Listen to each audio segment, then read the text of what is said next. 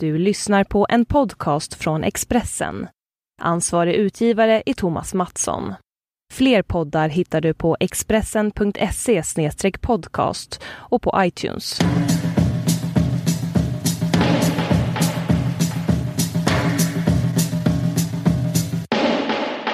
Hej!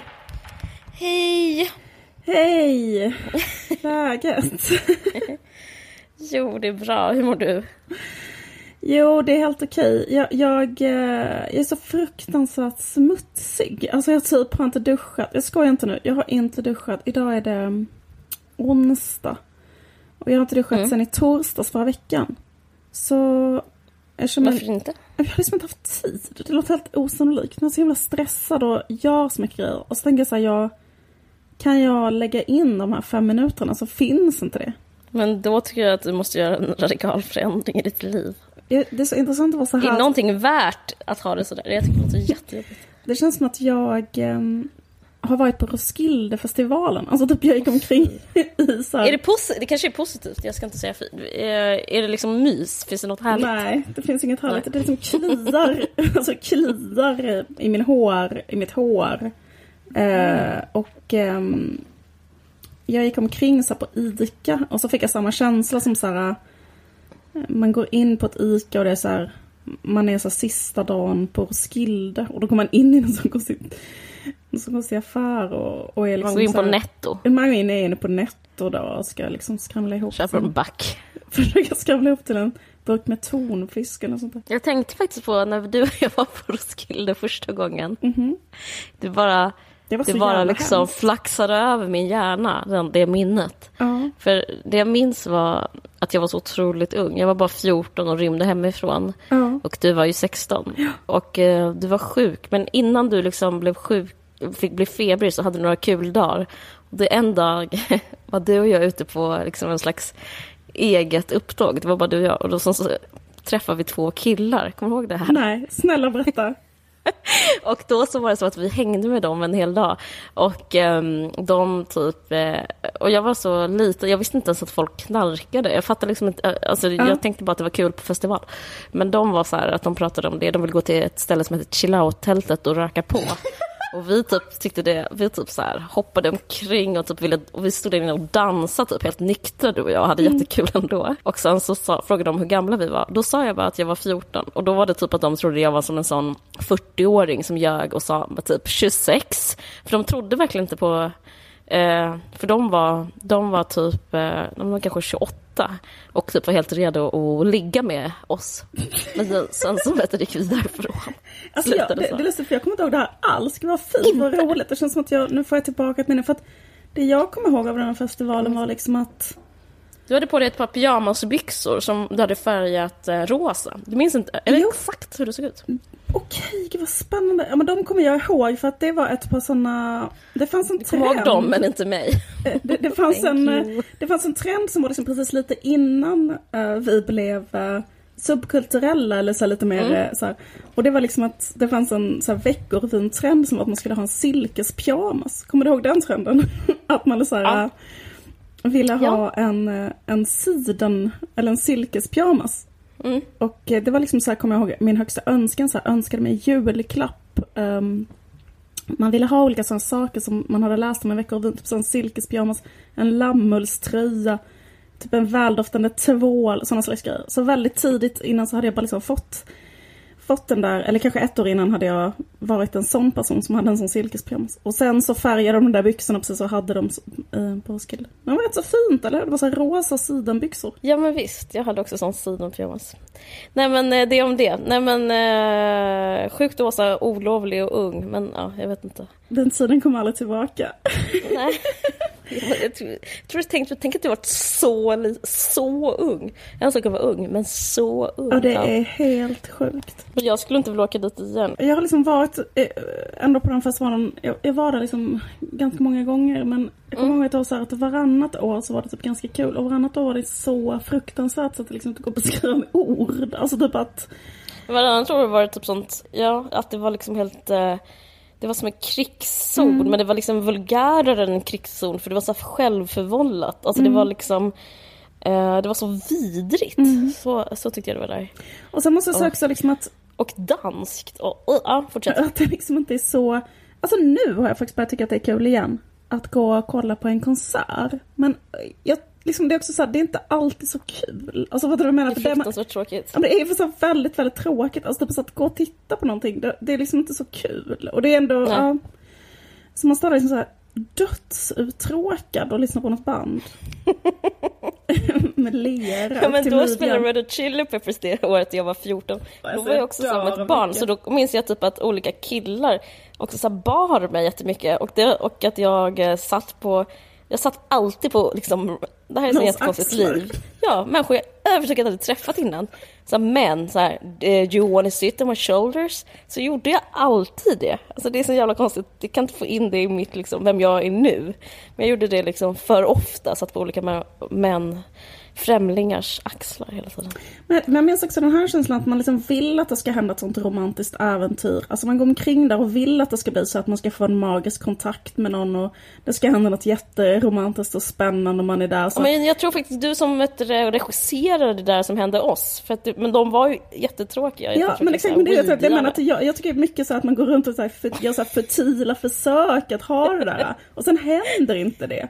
Utan det är bara så här eh, tråkig kille efter tråkig kille som bara liksom man känner sig helt, alltså man blir så utsugen på sin livsenergi. Ja, Ehm, jag hade kul för jag fattade inte att det var liksom en, eh, att det var regisserat från dig. Jag trodde bara det hände oss. Det hade jätteroligt. jag tyckte att det var så bra. Eh, har du sett första avsnittet av nya säsongen av Girls? Ja, det har jag. Det var, det var faktiskt lite den grejen, du vet det där med att man bara så försöker så himla mycket så träffa en kille. Alltså, Ja. och så liksom bara är det så här. Så det är liksom så, det är så kul och bra så att man liksom dör när han ska typ rappa. Och Mm. att det är så lite fel, men att man liksom bara ändå har någon känsla att men kanske, kanske, kanske, det kan Mm. gå. Fast det är liksom helt, alltså det är så himla så dömt att misslyckas. Men ehm, en allmän känsla. Det här är sjätte säsongen eller? Det är den sista säsongen. Och jag vet inte, jag har liksom känt att det är över för girls. Så jag har liksom eh, mentalt eh, gått vidare och tänkt att Lena Dunham typ är så lite så här, vad ska man säga, mångordig rasist typ. Jag orkar inte ha att göra med. För att jag följer henne på Instagram, det är så himla vanskligt med sociala medier för det kan verkligen så här, göra dålig PR för någonting som egentligen är väldigt bra. Hon är verkligen sån fucking geni. Men hon är så jävla dålig på Insta tycker jag. vet, jag vet. Håller du fattar vad jag menar? Absolut, Att man jag är, bara, rädd att jag, jag är rädd att jag själv är det också. Fattar du vad jag menar? Typ att det är så här. Nej, du är för bra på Insta tycker jag. Tänkte på det på alla hjärtans dag, att du postade en sån att, typ att du var mot alla hjärtans dag. Det, det är verkligen proffsigt. Istället för att eh, posta ett sånt eh, svartvitt foto på mig och Ola. Ja, det tycker jag man ska... Skriva Ja, hashtag blessed. det hade faktiskt varit roligare. Jag. In my humble opinion. Men, men, eh, men, nej, men jag tycker du är bra på... Men jag- Du är verkligen proffsig. Ja, efter men, men, jo, men grejen är att jag håller helt med dig. För grejen är att Ja. det som är grejen med Lena Dunham det är ju så att hon är inte är så vass, särskilt vass eller intressant politisk tänkare och har aldrig varit. Men hon Eller kanske hon för det. är, men hon är inte det på Insta i alla fall. hon är inte det. Alltså jag Nej, menar, jag tycker det, jag tycker det. Alltså, och det behöver inte alla vara, men problemet med henne är att hon tror, eller hon brinner så här, eller mycket permanent för så här, politik och så. Och det, alltså Mm. typ att hon vill göra sån slags politik så här, eh, ja men kanske vara med Hillary och liksom alltså du vet så här jättemycket. Och vara så engagerad. Och det kan jag fatta, men grejen är att där är hon ju liksom väldigt medioker om man tänker så här hur... hur Där är hon vem som helst. Ja, där är hon vem som helst, men där hon inte är vem som helst, det är där, där hon är så, i sitt konstnärliga utövande. För där är man ju mind-blown tycker jag hela tiden. Mm. Ja, och det var jag verkligen. här också i det här första avsnittet. Precis, men hon borde ha en PR-person som, eh, som, eh, som överensstäm, som liksom tolkade av hennes persona, eller hennes personlighet och gjorde en persona av det så, så det blev liksom ett Instagram med samma konstnärliga verkshöjd. För nu är det bara typ en sån eh, arg tjej som eh, har så olika pyjamasar. Alltså det är så jävla tråkigt, hennes Insta. Ja, men, Men, exakt, eh, till exempel nej, men- Mm. Girls, om man bara tänker sån sak som att till exempel le, eh, vad heter det, Hanna sitter och googlar så här, fruits that make you fat, typ. Eh, eller något sånt där. det är så bra. Medan hon ska skriva. Då bara, det, det du föreslår då, att hon skulle ha en PR-person som skulle kunna göra typ så här, göra Lena Dunhams Instagramkonto. Och då skulle man kunna göra så här, vad, eh, typ så här, det skulle man kunna skärmdumpa och instagramma. Det skulle vara jättekul. Ja. Eh, vad som inte är kul är liksom typ att ta en bild när hon själv så här, håller armen om en, eh, typ någon jättetråkig um, kvinnlig entreprenör i Brooklyn som har gjort något viktigt och behöver framhållas. Så tråkigt. Förstår du? Jag, ja, jag vet. Som ingen känner till vet. och ingen Men det har ju liksom gjort att jag hatat henne och därför har jag hatat Girls och tänkt så här, men Girls, det är det hela fattiga... Men grejen är så såg jag första gången för, igår och då var det, då hon regisserat, hon, Jenny Connery brukar regissera ibland, men det så var det hon som regisserade. Och det var så, alltså, det, alltså den skådespelar... Um, uppvisningen är ju liksom, eh, det är ju bara liksom, man måste bara bow down, alltså det är så mm. jävla fett alltihopa. Eh, så jag såg samtidigt eh, den här progr nya programmet Bonusfamiljen, har du sett det? Jag har faktiskt inte sett det, men jag har ju hört att folk säger att det är bra. Ja men precis, det var därför jag såg det, för ja. det har fått så väldigt bra svensk kritik. Så jag tänker så här, uh, det, det, det var som fan, typ. Ja. Det, var, alltså, det är inte vanligt att så här, det finns bra svenska drama. Men eh, så såg jag det precis, först såg jag eh, ett avsnitt av det och sen såg jag Girls.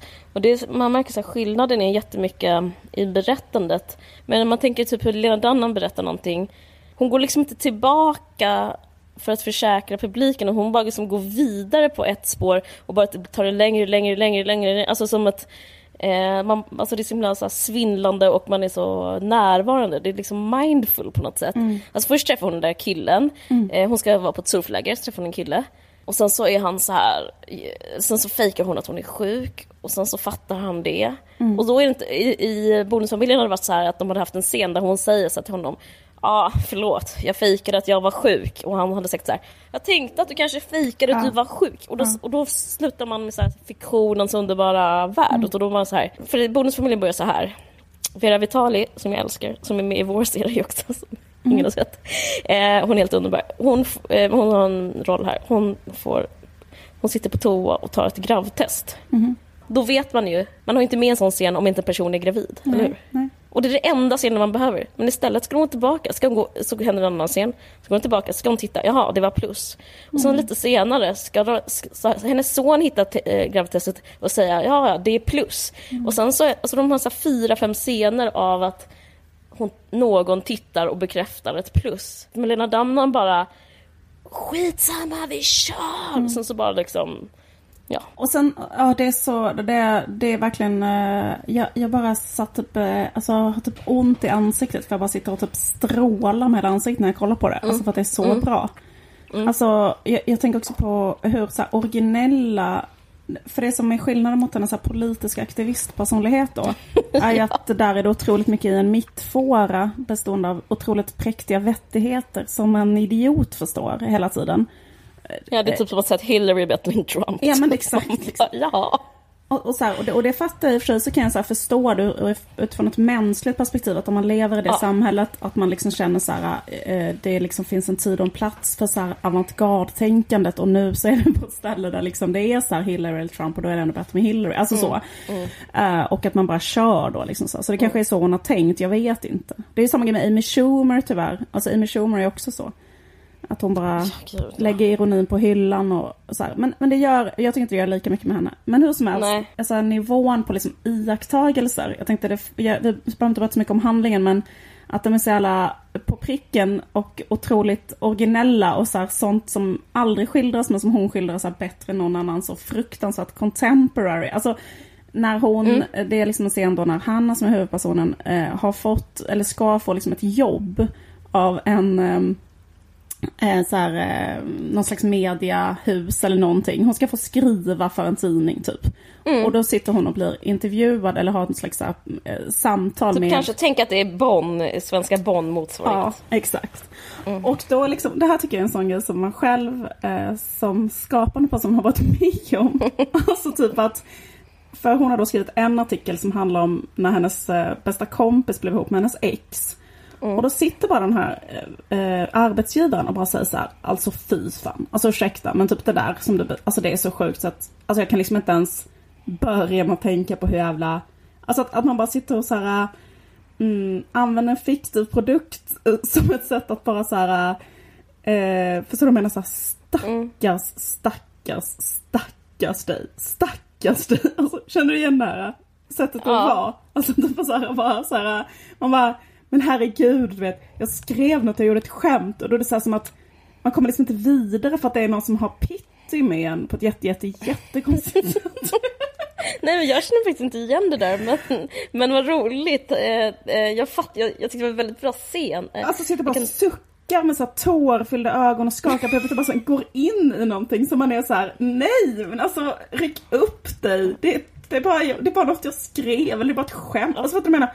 Men typ Ja. så här, eh, så här, nej men jag, eh, jag står liksom inte ut med typ hur tungt du har haft det typ eller någonting. Alltså, jag, jag, Var jag, det- tänker att folk Var det, var det typ efter vet du, prins Charles känsla? Var det många, eller eh, jag kan tänka mig nej, att det alltså, var, jag- jag när det handlar om kärlek kanske, för jag har inte skrivit så mycket om kärlek. Ja, alltså jag tänker för inte att folk har, kanske, folk har gjort det lite grann mot mig men inte så mycket men att jag kan se folk göra detsamma mot andra som, eh, som jag känner som kanske Ja, det har skriver grejer. Fattar du vad jag menar om man tänker så här, folk som skriver kanske om drogbruk eller Ja, psykisk precis, jag tänkte ohälsa. precis på Tone som har skrivit om tripprapporter. Hon får alltid den typ Ja.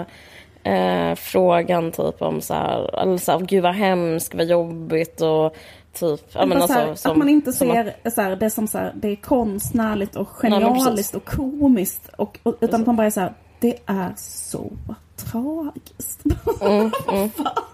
Mm, Ja, eh, så det var jättemycket som var så jättekul med den, med den. Men jag menar, du måste ju känna igen dig i den andra delen av den scenen som handlar om att de är så här. Eh, att de liksom bara använder, alltså jag tänker så här när, eh, ja men typ eh, när så här, man ska ha en tjej som man ska liksom ha till att börja skriva så vill man att den tjejen ska vara på ett visst sätt. Så här. Kan inte Ja, men du som en tjej som, eh, typ en, kan inte du vara så här en osäker tjej som är Jo men så fel känner, det känner jag mig jättemycket, eller så tycker jag Jag tänkte jättemycket på det att, ja men typ med skrivande, och alltså vilken typ av skrivande man håller på med.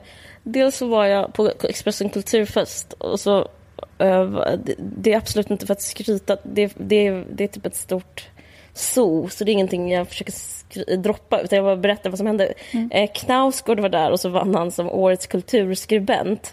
Och så fick, fick han frågan så här, vad eh, skiljer dig som kulturjournalist? För det är någonting jag tänkt på själv eftersom jag har varit både kulturjournalist och eh, författare. Vad är det som skiljer något för kulturjournalist från att vara författare? Och då sa han eh, inget. Det tycker jag var rätt så intressant. Men grejen är, det är sam- samma som, jag känner igen mig lite i det, samma som Elena Dunham, eller han, hennes karaktär då, Hanna. Så att hon har skrivit en, en, som du säger, det var fiktion eller liksom en slags storytelling, berättelse. Hon skriver något som har hänt i hennes liv, men hon så fiktionaliserar det och typ gör det till, kanske till om hon blir publicerad med det i alla fall. Liksom. Jag vet inte hur, vilken form, det var novell, men jag kan tänka mig att det är så här. Det är en berättelse som hon har skrivit. Liksom.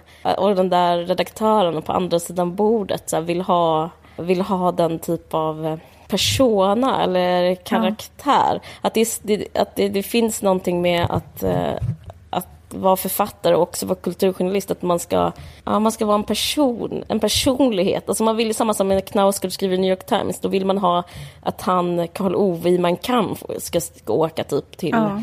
åka en roadtrip. Man vill liksom inte ha, man, man vill inte ha journalistik. Och det känner jag igen mig i, att vara typ, jag har varit jag har ju skrivit jättemycket från typ alla, ja men typ som Bonn till exempel, då vill de typ att man ska vara så här de, vill, de ville att jag skulle skriva som på min blogg och det är typ lite fiktion. Eh, men man känner, jag känner mig mycket horigare med, om jag ska vara alltså det är liksom så man får inte Man får inte fördelarna med att vara journalist, det vill säga att man inte behöver Man, kan, man får inte vara så här fluga på väggen utan man ska vara en sån här man ska vara ett, så här, ett eh, pikt inslag eller ett Ja. quirky inslag. Ja. Man, ska vara en, man ska typ vara som en romankaraktär. Journalisten ska vara så, typ som en romankaraktär. Alltså det är typ det som hon, det är det hon där redaktören begär också. Att bara, du kan inte du åka dit och vara så här Eh, och så beskriver att hon typ så här, det är typ en tjej, hon har aldrig, hon har aldrig surfat, hon är typ så här lite outsider, hon fattar ingenting. Hon är här New York och hon är på ett ställe Ja, där det liksom är... det- ehm, Precis, och typ det tyckte jag var så bra skildrat, för det är liksom den, den så här ordväxlingen när någon ber en så här vara en... Någon ber en så här förminska en själv Mm. till att vara typ en sån... Eh, ja men typ vara typ en seriefigur eller vara en karaktär. Det är så jävla... Alltså typ saker man gör för pengar liksom hamnar det under. Liksom man bara, okej, okay, jag hör vad du säger din jävla idiot. Men jag gör det för jag, ska, jag kommer få 10 000 på faktura för att jag ska sitta och vara så här karaktären som frågar eh, en, den här karaktären som möter de här. Alltså det är som att, eh, ja, men uh, jag tyckte det var intressant att få se det på... Det är så nytt, man ser typ aldrig sånt på tv, typ den typen av så arbetsintervju. Undrar om... Ja, det är ganska intressant ju... den här säsongen, undrar om hon kommer utforska ja. det mer, det här med att vara framgångsrik. För jag tänker att hon måste ha så himla mycket material. Måste ha material. Ja, jag tänkte exakt samma sak. Alltså, nu kan hon kanske berätta hur det är att breaka. Det skulle vara kul att så, se, en, se det ske. Typ, för hon, måste ju, hon pitchade ju den där serien, jag läste lite om det för jag visste vi skulle prata om det, när hon var 23 bast. Då gick hon till HBO.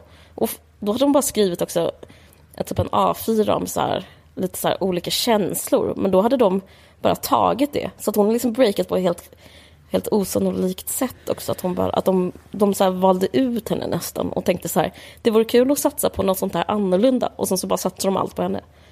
Det, eh, hon hade det, inte ens en pilot. Ja, det är verkligen bra uh, människor som gör sitt jobb, liksom, som gör en sån grej. Alltså, mm, hon hade gjort den här Tiny Furniture som de hade sett. Har du sett den? Ja. Hennes långfilm. Ja, den är ju också jättebra så det kanske inte var så konstigt Nej. men det är ändå rätt så men jag menar, tänk att ha den erfarenheten under sitt bälte. Jag tänker också att hon, vi läste ju hennes bok eh, uh. en gång också tror jag och snackade kanske om den i podden.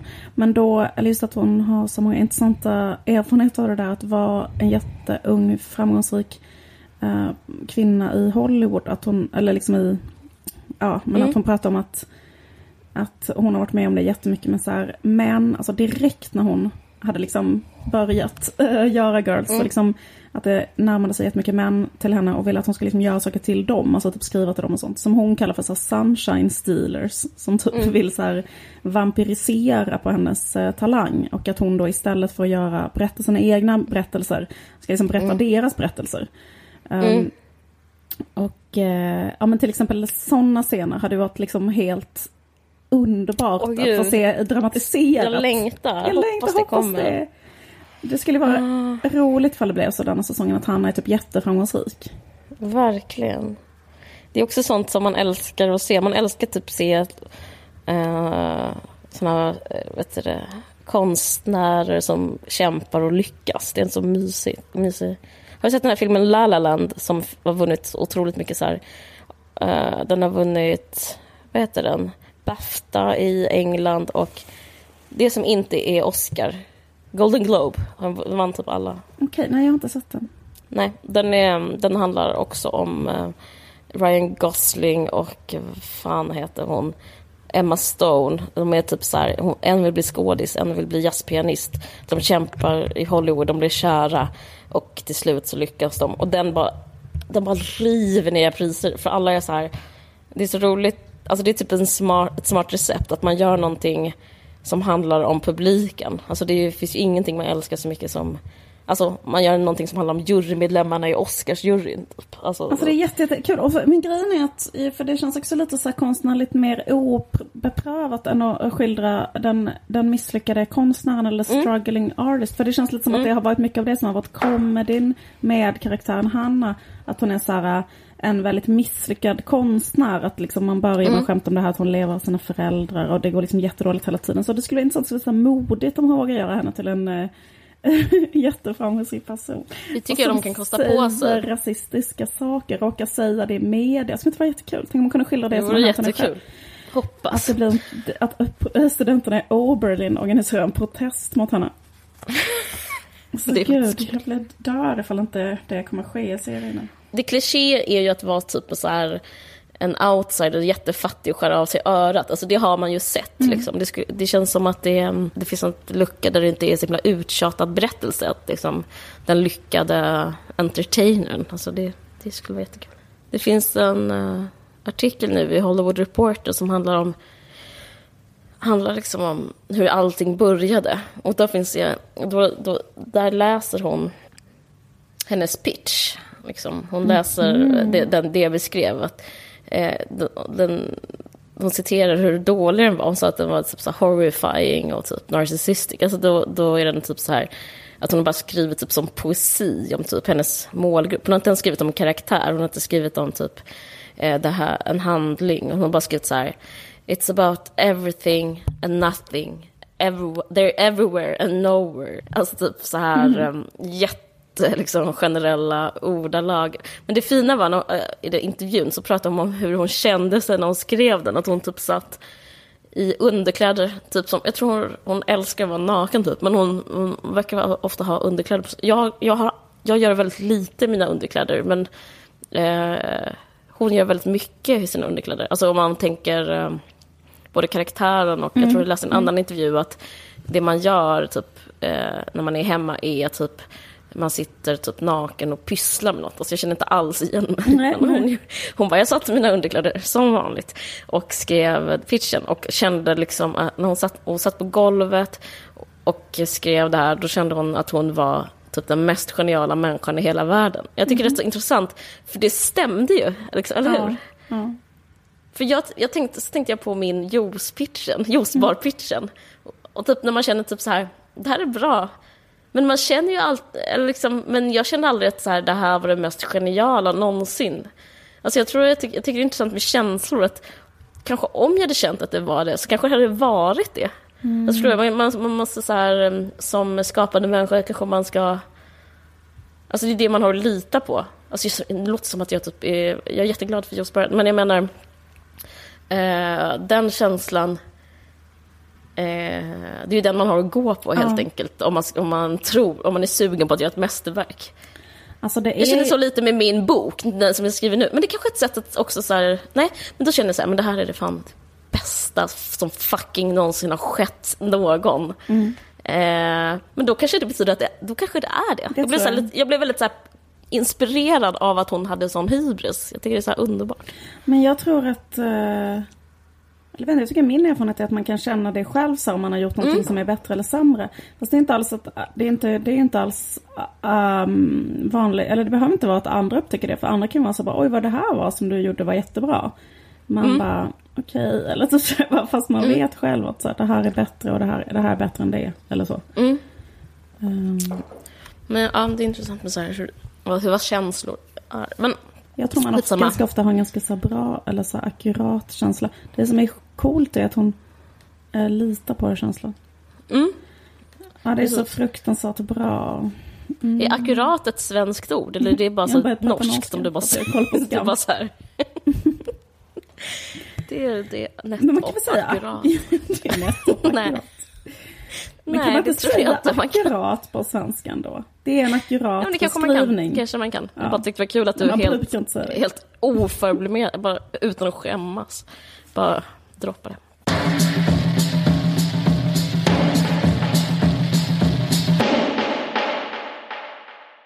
Okej.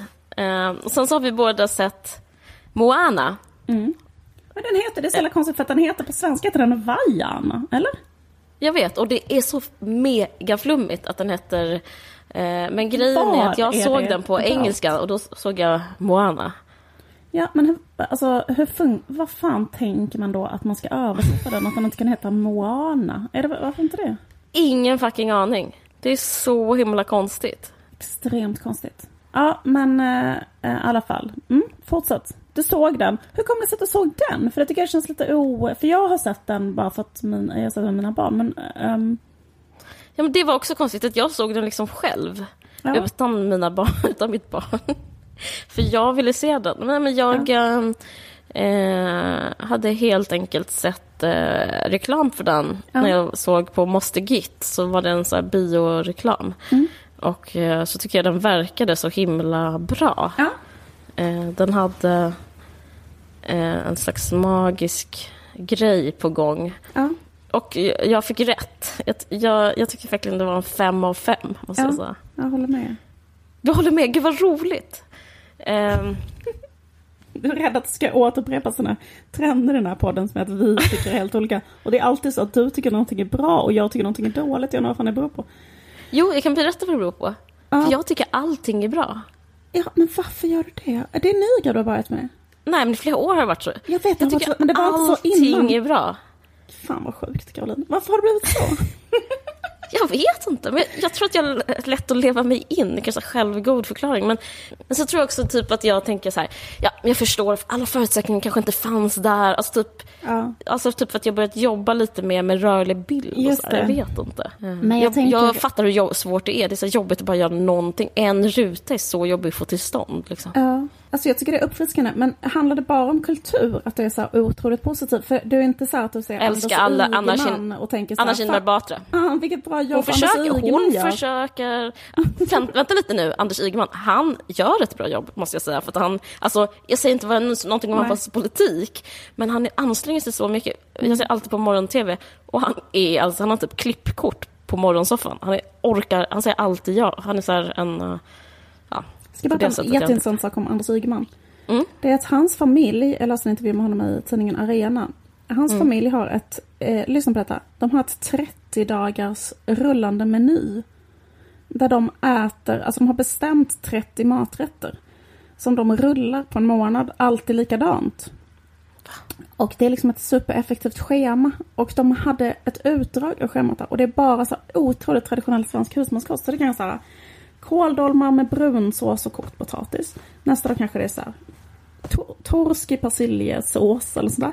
Nästa dag är det, alltså, och så, och så är det så här, och så, och så han och hans fru um, vet det, organiser, alltså, organiserar hela deras familjeliv. De har två barn på det sättet att de vet liksom vad de ska handla och laga sju dagar i veckan. Vad sjukt. Det är så sjukt. Men det säger också Fast... någonting om hur organiserad han är, att han är bra på att liksom, um, göra saker man ska säga. Verkligen. Eh, men eh, jag... Eh, det känns som du har bättre koll på, så på svensk politik än vad jag har. Så jag vågar liksom inte uttala mig om typ han har gjort något. Men jag bara menar hur han är som en... Fast det är ändå gulligt att du har en positiv, du har någon positiv känsla. Ja, precis. När det har jag verkligen. Ja. Nej, men, ja, men var var vi någonstans? Nej, men... Eh, Moana. Jag tycker den är svinbra. Nej, men det, som, det, som, det började med typ att en tjock gammal människa fick synas mer än en minut eller en sekund. Ja. Alltså det började med en så tjock mormor typ med så här, en skabbig tatuering. Pratade med sina barnbarn typ. Mm. Alltså det är första scenen i Moana. Mm. Och hon hade typ lite så här gäddhäng och var så här tjock typ. Mm. Jag googlade jättemycket efter jag sett den här för jag, bara, jag blev så upplyft för att det finns ju så här skönhets, skönhetsmaktordning mm. som vi kan kalla skönsordning. Skojar. men sen Lina Thomsgård-grej säga. Nej men skönsmaktsordning. Nej jag skojar, jag ska inte säga det mer. Nej men det finns ju ändå en... Eh, en, en, en, en skönhetskulturellt... Skönhetskapital kanske man ska... Ja. Är det ett privilegium som vithet? Ja så kan man ha samma, göra ett schema med skönhet. Vem, och då är det ju det att vara smal och att vara vit, se ut som en vit människa. Det är ju mm. bäst. Om man kollar på Var världen. Ung. Liksom. Ja. ung, precis. Men jag tycker vit, vit är etta liksom. Ja. Sen är att vara så här smal två, sen så, ja, men ung, jo det stämmer kanske. Men, men, eh, men och så är det liksom, om man kollar så här, ja men visst, Vogue hade något omslag typ 2014 på en svart människa. Ja, men, och då är det typ att den personen också ser vit ut. Alltså det är alltid typ så här, då, eller som Kim Kardashian eller eh, Beyoncé, att, eh, att man, så här, man ser så svart ut fast man, eller man ser så brun ut fast man har fortfarande, man utmanar inte så här vithets maktordningen på det. Alltså man har fortfarande så smal näsa. Mm, alltså man har, man har aldrig en sån stor jävla platt jävla näsa. Det, får, det finns liksom Nej. inte. Och man är aldrig typ så 1,40 lång. Eller typ, och man har aldrig så här jättetjocka armar. Alltså mm. sånt som inte alls egentligen är konstigt. Utan jättemånga har det utan att liksom vara konstigt. Det, men, men, och jag har alltid känt mig ful. Eh, eller ibland har jag känt mig snygg. Men jag har känt mig rätt ful ofta typ så här, i modesammanhang, typ modeveckan och sånt mår jag alltid väldigt så här, psykiskt dåligt av. Och typ där man ska se ut som typ en uh, lång, smal, ung pojke. Alltså, mm. alltså att man ska vara så här anorektisk, lång och så blek mm. och typ så, inga höfter. Mm. För jag typ ser ut som en sån hawaiiansk flicka, mm. typ. Det är min... Alltså jag ser ut som Moana. Och det här, för mig var det här helt så här... Jag vet det? Ja men det var helt... Eh, revolutionärt att bara få se typ en person som så var en hjälte hjältinna mm. och så en, en huvudperson som inte hade rak näsa. För att jag, jag har liksom så här, jag hatar min näsa, den är så platt och konstig och liten och, uh, och den är absolut inte rak. Jag tänker ofta på att jag ska, kanske ska operera den men jag är så rädd för narkos. Mm, alltså, jag, mm, ja gud, jag alltid tänker jag på sånt där. Mm. Och sen så bara såg jag att hon var, var så sjuk. söt. Tycker du att det är sjukt? Men det mm. kanske är. Ja, det, jag brukar inte dela med mig av de tankarna. Men jag kommer inte göra det för jag, rädslan för operation är större än typ mitt begär. Men eh, jag bara tyckte det var så underbart att hon fick vara typ eh, på toppen på pyramiden av vad som... Alltså hon blev ett ideal helt plötsligt. Ja. Och liksom, jag blev så här rörd att jag fick uppleva det under mitt livstid. För att är det någon som sätter de här idealen eller så, här, så är det ju Disney. Alltså jag, jag känner mig så mainstream. En sak är typ att, att Lena Dunham typ är tjock och kan typ så ligga med någon i en eh, som osmickrande vinkel. Men det är liksom så indie. Men att typ att så här, en Disney... Jag vet inte, jag tyckte det kändes liksom nästan helt... Eh, jag, jag, jag, blev helt eh, liksom, euforisk. Jag vet, det, liksom. det var jättevackert. Men kan du tänka ja. dig, jag var, innan filmen hade kommit ut, så var ja. jag på ett Moana-kalas. Eh, du skulle, du skulle ha, du skulle ha liksom dött av, du skulle ha dött av glädje liksom så här, för ja. att det är så jävla vackert. Alltså typ så här, men alla en, flickor, en liten, när man var liten, alla, alla, skulle vara blonda prinsessor. Ja, alltså, det är men, men också så, här, så himla fint att se, uh, liksom, alltså alla små liksom, dagisbarn av alla olika små kulörer och bla bla. Och sen det här lilla underbara mm. lilla barnet då, som hade sitt kalas där jag var, som är då eh, klasskompis till mitt barn. Eh, att hon då så liksom... Så fråga varför du var där, lite konstigt men absolut. jag var inbjuden. Nej men, det är helt vanligt sexårskalas. Eh, nej men att hon då eh, är så här, typ 100% eh, eh, Moana-fan och hade så här eh, Moana-vimplar, Moana-servetter, en jättestor Moana-tårta. Eh, alltså du vet, alla, och, och vi liksom lyssnade hela tiden på soundtracket. Och, alltså det var så här, eh, mm. ett, ett jättebra tema. Nej men jag bara menar att eh, det är så jävla fint att, um, att det liksom inte bara är så här Nej, som ser ut som, om man är uppvuxen med Barbie. Bell liksom. i uh, Skönheten och odjuret typ, den typen av person. Ja. Och sen var det ju inte bara det som var bra med den filmen, utan uh, allt var ju så här, bara check, check, Nej men det klarade Bechdel-testet. Ja. Filmen klarar Bechdel-testet. jag vet, jag vet. Det är så sjukt. Och filmen handlar inte om att en tjej behövde en man. Nej. Den, och den, att den, största... den saknar romantiska förtecken. Ja. Jag var livrädd hela tiden att hon skulle bli ihop med den här halvguden. Jag bara satt så här, typ, på mina händer och bara hånglade inte med honom. Eller att det skulle vara en sån grej. Nej. Men det var typ inte ens viktigt i hennes liv att ha en kille. Och det lustiga är att hon är ju eh, den som löser situationen också. För jag ja. tänkte också så här, ja, hon ska söka hjälp av honom och sen ska han göra det. Men sen så gör mm. ju hon, liksom, vi ska inte spoila. Men och sen, får inte tala om det, sen är det typ så här att den högsta gudomen är en kvinna som är en naturgudinna. Och så här, ja. slaget vinns inte med våld utan det vinns, vinns med att någon ska komma ihåg sitt hjärta Alltså det var så, så fruktansvärt fint tycker jag. Jättebra. Jättebra och typ att det finns en poäng att inte så här, ta hand om vår jord. Just det.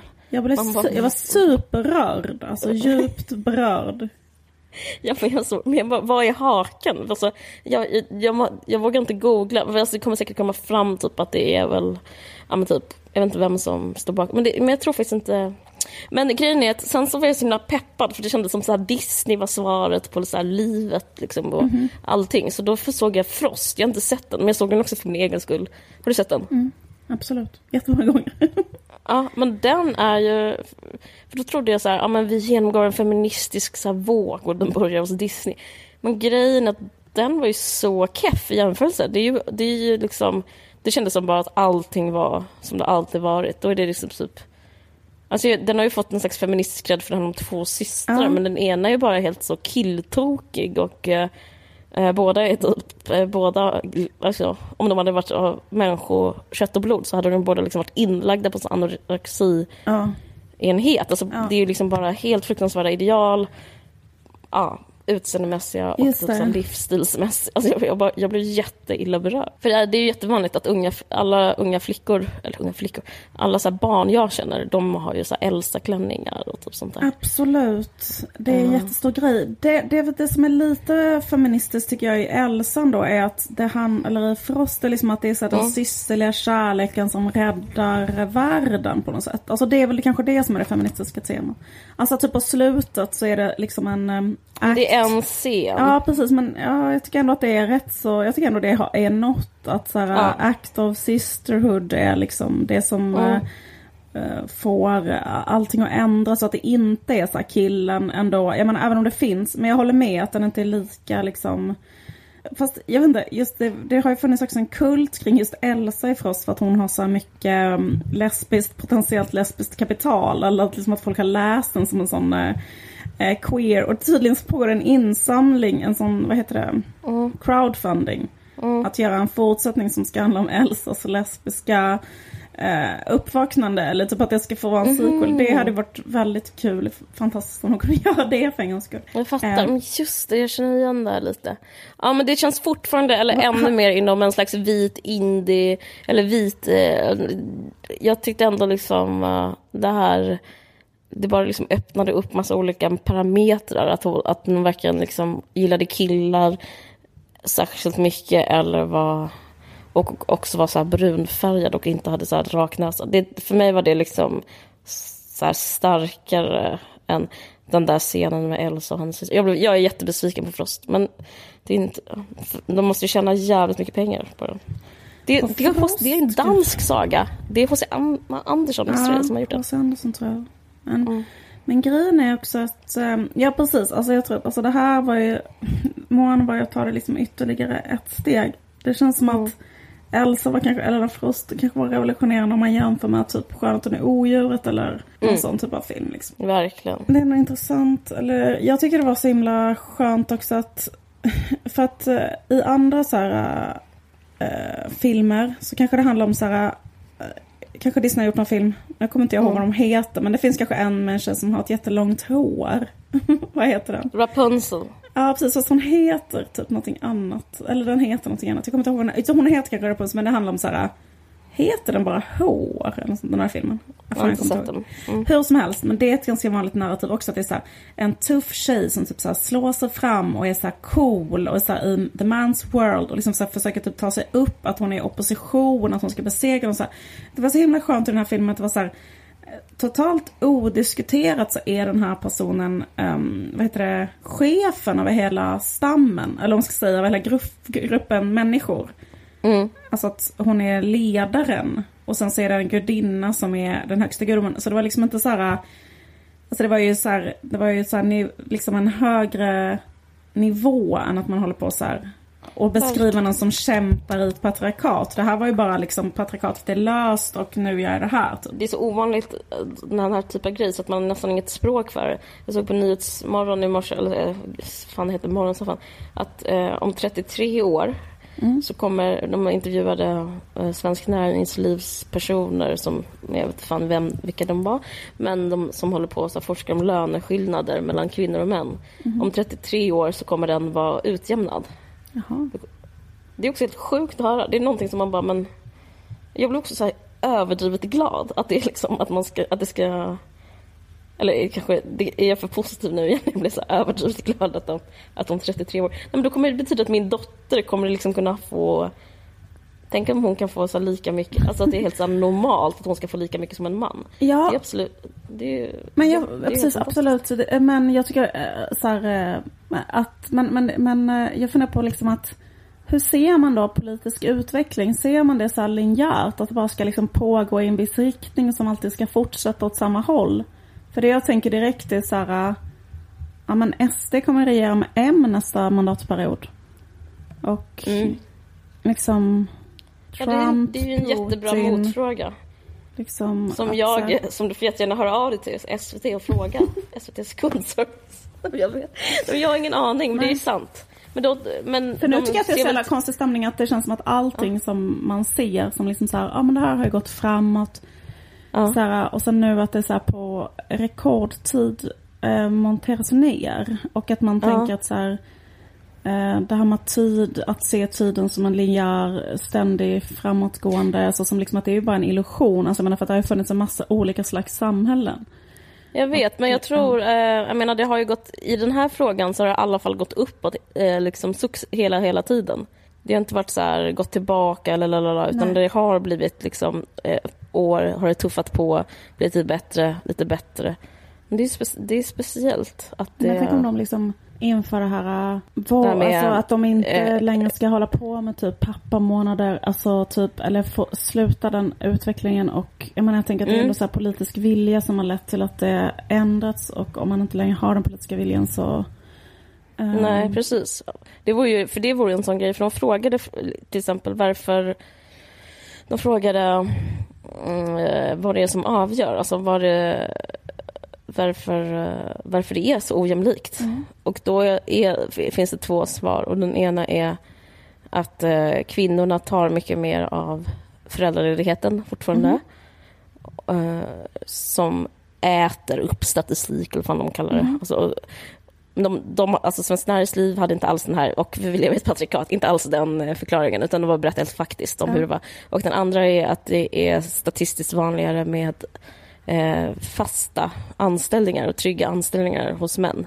Kvinnor är inte alls lika ofta fast anställda. Alltså typ kvinnoyrken så är det inte lika bra villkor typ eller? Nej, precis. Men att det blivit bättre. Det, män tar mer föräldraledighet. Mm. Kvinnor är också ofta mer sjukskrivna, tror jag. Gud ja, det är de ju verkligen. De är mer utbrända och de har också... Och, ja, Ångest och depression och sånt där. ja, Ja. smärta. Mm, Ja. Det är... Men kul för oss att vi har fått den här Disney-filmen i alla fall.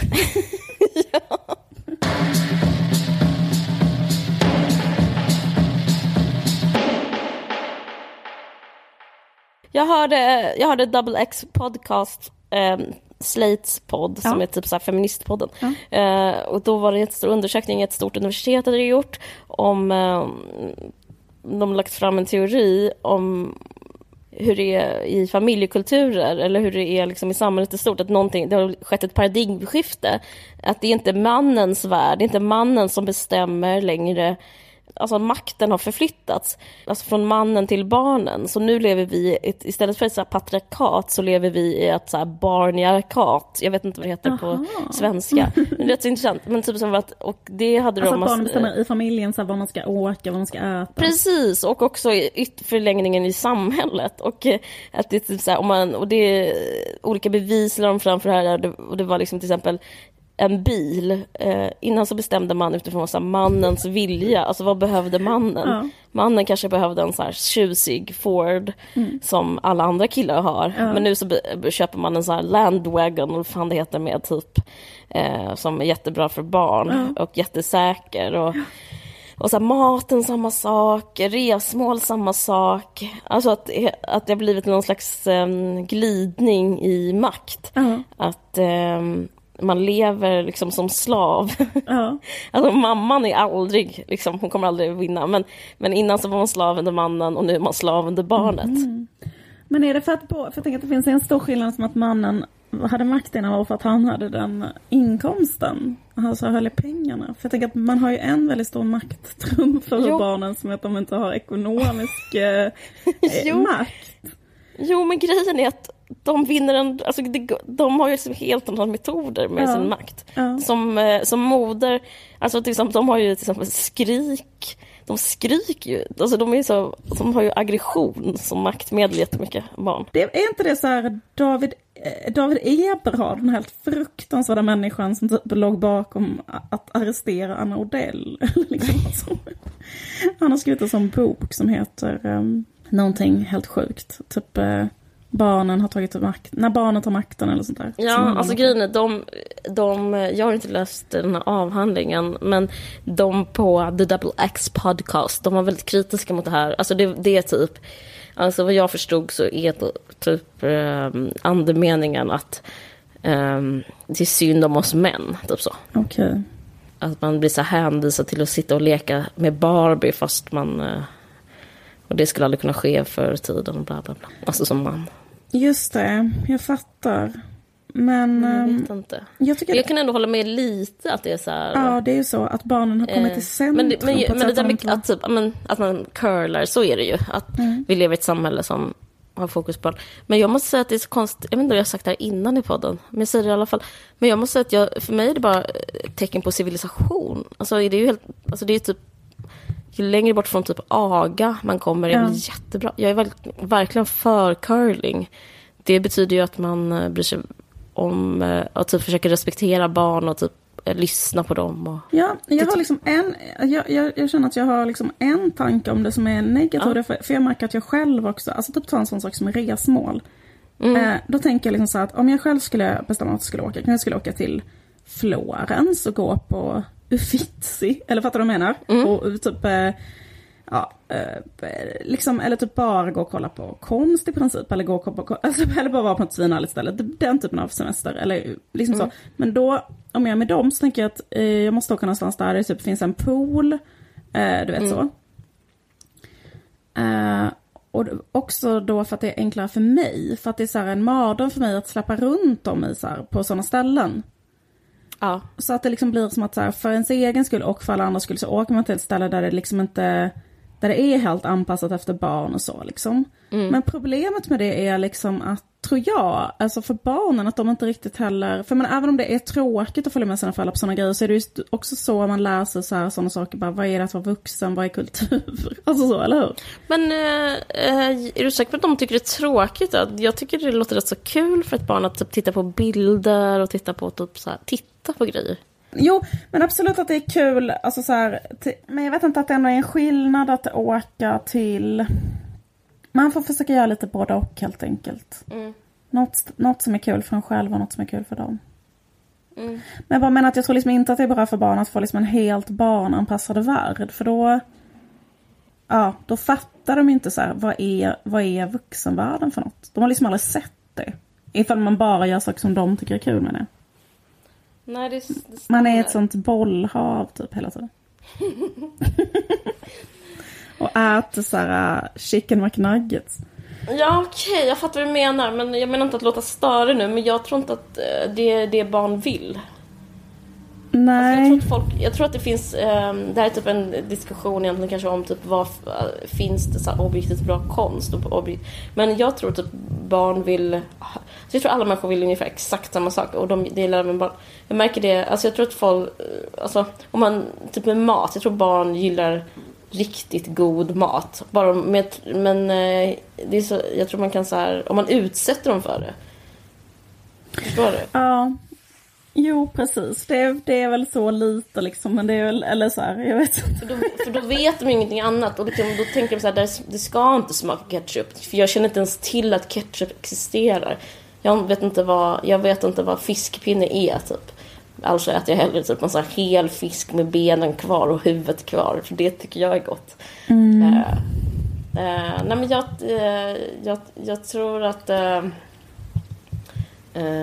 jag tror faktiskt att eh, man liksom har fördomar om barn som varelser. Att de ska gilla typ så äckliga saker och, och kolla på tråkiga filmer och typ sådana saker.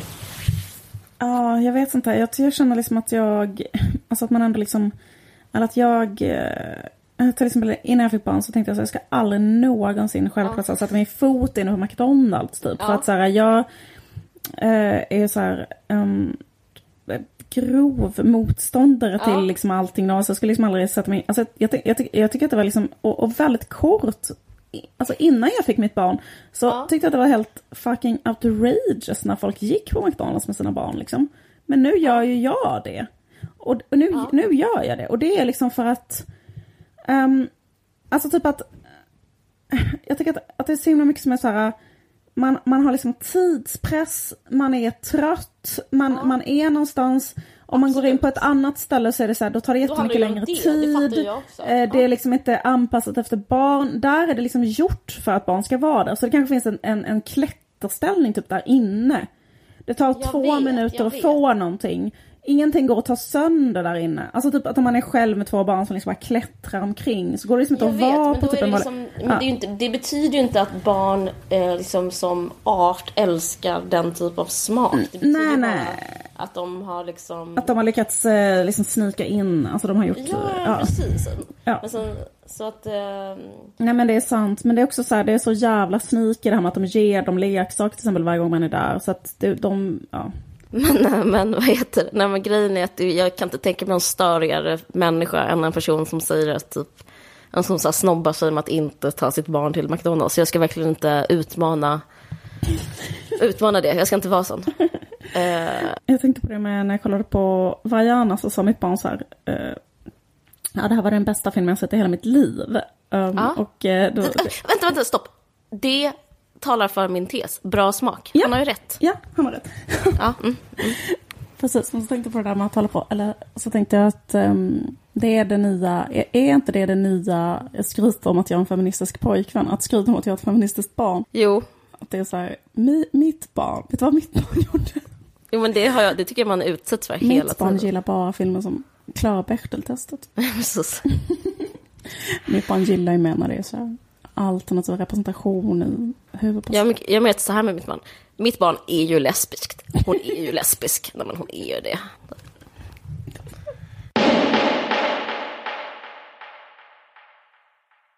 Ska vi säga um, tack så jättemycket för att ni lyssnar och uh, vad heter det, den här podden görs i samarbete med Expressen Kultur och den klipps av Moa Lundqvist. Ja, hej då. Hej då. Ha det, ha det gott. Ha det gott.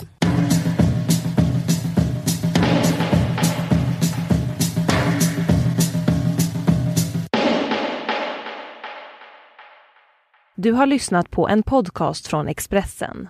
Ansvarig utgivare är Thomas Mattsson. Fler poddar hittar du på expressen.se podcast och på iTunes.